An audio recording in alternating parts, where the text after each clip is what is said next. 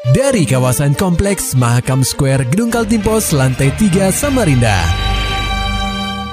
96,8 KPFM Kita akan ikuti program KP Flash News.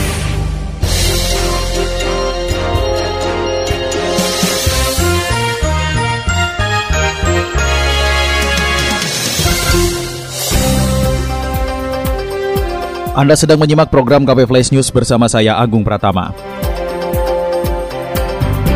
Berita utama. Pendengar KP, kecanduan terhadap narkoba. Pria bernama Rigit nekat menjual sepeda motor milik rekannya sendiri. Akibat hal tersebut, laki-laki 29 tahun ini diamankan oleh jajaran Polsek Sungai Pinang Sabtu 1 Januari 2022 lalu. Kanit Reskrim Polsek Sungai Pinang, Ibda Bambang mengatakan, kasus ini bermula saat Rigit sedang berkumpul bersama rekan dan kekasihnya di sebuah hotel yang berada di Kecamatan Sungai Pinang. Saat itu mantan sopir di tambang batubara tersebut mengambil foto sepeda motor NMAX di jejaring sosial Facebook untuk kemudian diposting kembali di grup jual beli motor. Setelah berhasil menggait calon pembeli, Rigit bertanya kepada rekannya apakah memiliki teman dengan kendaraan seperti yang diposting. Lalu rekannya tersebut menghubungi seorang teman yakni Yoga untuk datang menginap di kamar hotel yang sudah dipesan oleh Rigit pada Kamis 27 Desember 2021 lalu. Tanggal 28 subuh niat rencananya dilaksanakan. 28 hari Selasa tanggal 28 jam 04.42 dia pinjam sama Yoga motor dia katakan sebentar dikasihlah motor Nmax kuncinya dalamnya. Jam 4.42 itu ternyata si Rigid itu melaksanakan kejahatan yaitu menjual motor itu kepada seseorang yang di Jalan Pramuka hmm. dengan harga 7 juta 300 ribu rupiah. Si pembeli sebenarnya ragu, hmm. ya kan? Cuma si Rigid lebih cerdas, di mana dia mengatakan bahwa ini adalah orang tua yang lagi sakit keras hmm. untuk biaya rumah sakit. Mana STNK-nya, STNK akan disusulkan Percayalah. Bambang melanjutkan, setelah membawa sepeda motor milik Yoga, Rigit bertemu dengan seorang pembeli dan motor itu laku seharga 7,3 juta rupiah tanpa adanya surat-surat yang lengkap. Berhasil membawa uang yang cukup banyak, akhirnya pelaku menggunakan uang tersebut untuk membeli narkoba dan kembali ke hotel. Di sana, Rigit beralasan bahwa motor Yoga ditilang oleh polisi. Dia posting dulu, posting dulu, dia posting dulu ketika ada yang uh, pembeli kalau beli oke okay, dia akan cari motor yang sesuai dengan di yang di posting. Posting, posting. oh. Berarti nggak ada penggeraknya rata-rata semua temannya korban itu ya? Kenal. Kenal, kenal. oh rata-rata kenal ya? Nggak ada penggeraknya dia memang dia tidak ada murni dan dari empat TKP itu apa nggak ada LP-nya enggak? LP-nya ada, cuma dari Pinang satu, dari Seberang dua, dari Kunjang dua. Dari hasil pengembangan ternyata pelaku telah melakukan aksinya sebanyak empat kali di mana empat unit sepeda motor dan satu handphone berhasil dijual dengan modus yang sama.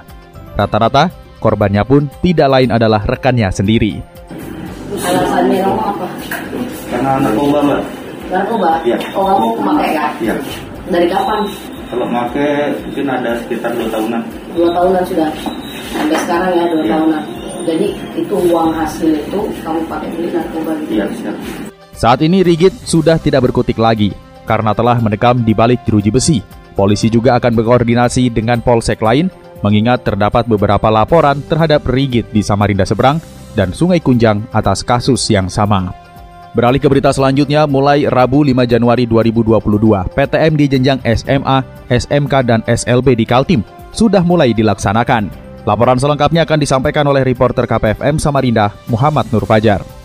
Dinas Pendidikan atau Disdik Provinsi Kaltim akhirnya memberikan lampu hijau bagi setiap sekolah menengah atas atau SMA, sekolah menengah kejuruan atau SMK, dan sekolah luar biasa atau SLB di Benua Etam untuk melaksanakan pembelajaran tatap muka atau PTM. Kadisdik Kaltim, Anwar Sanusi membeberkan pihaknya sudah menyerahkan kepada cabang dinas untuk mengumumkan kepada setiap sekolah bahwa PTM sudah bisa dilaksanakan mulai Rabu 5 Januari 2022 dengan mengikuti prosedur sesuai surat keputusan bersama atau SKB 4 Menteri.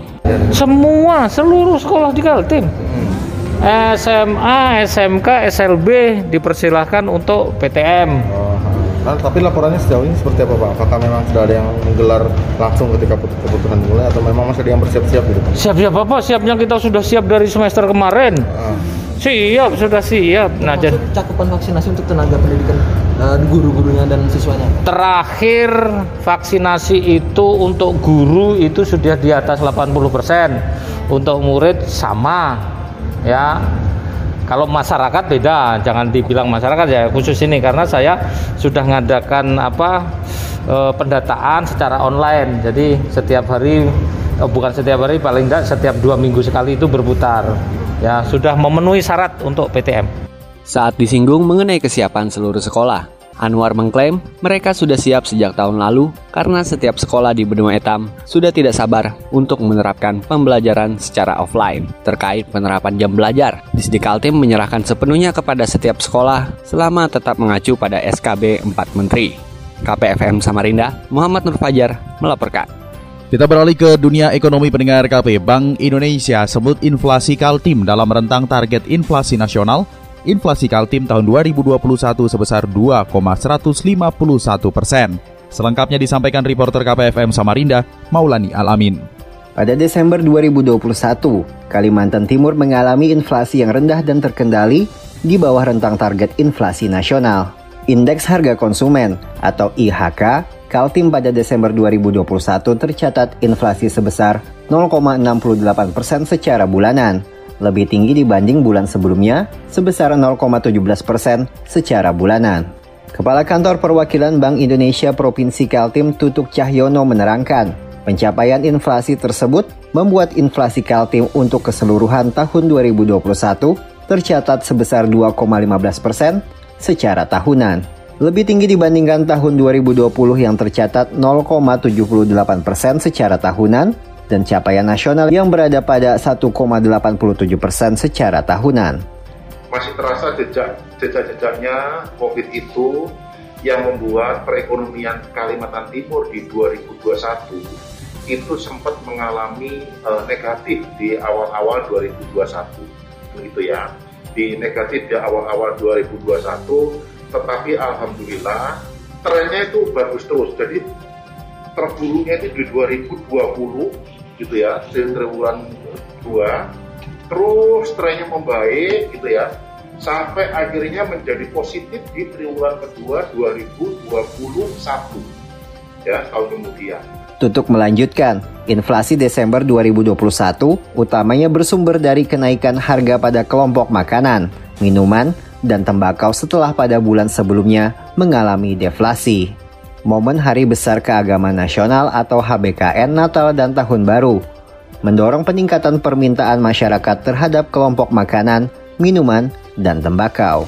Eh, kita memproyeksikan sekitar triwulan 4 itu masih cukup bagus tapi relatif agak melambat. Kenapa? Karena kita tahu harga batu bara itu mengalami eh, tidak puncaknya sudah lewat, gitu ya, sudah lewat, tetapi masih didukung dengan eh, apa namanya eh, Nataru. Kita punya kegiatan-kegiatan Natal dan Tahun Baru di triwulan keempat. Kepala Kantor Perwakilan Bank Indonesia Provinsi Kaltim Tutuk Cahyono menyebutkan, peningkatan inflasi pada kelompok transportasi disebabkan oleh berlanjutnya peningkatan mobilitas masyarakat di bulan Desember 2021. Seiring dengan kasus COVID-19 yang terus melandai di Indonesia maupun Kaltim. KPFM Samarinda, Maulani Al-Amin, melaporkan. Maulani Alamin, Muhammad Nur Fajar, KPFM Samarinda. Serta dapatkan berita-berita selengkapnya di www.968kpfm.co.id. Demikian tadi telah kita simak rangkaian berita-berita yang terangkum dalam program KP Flash News. Persembahan dari 96,8 KPFM. Terima kasih dan sampai jumpa.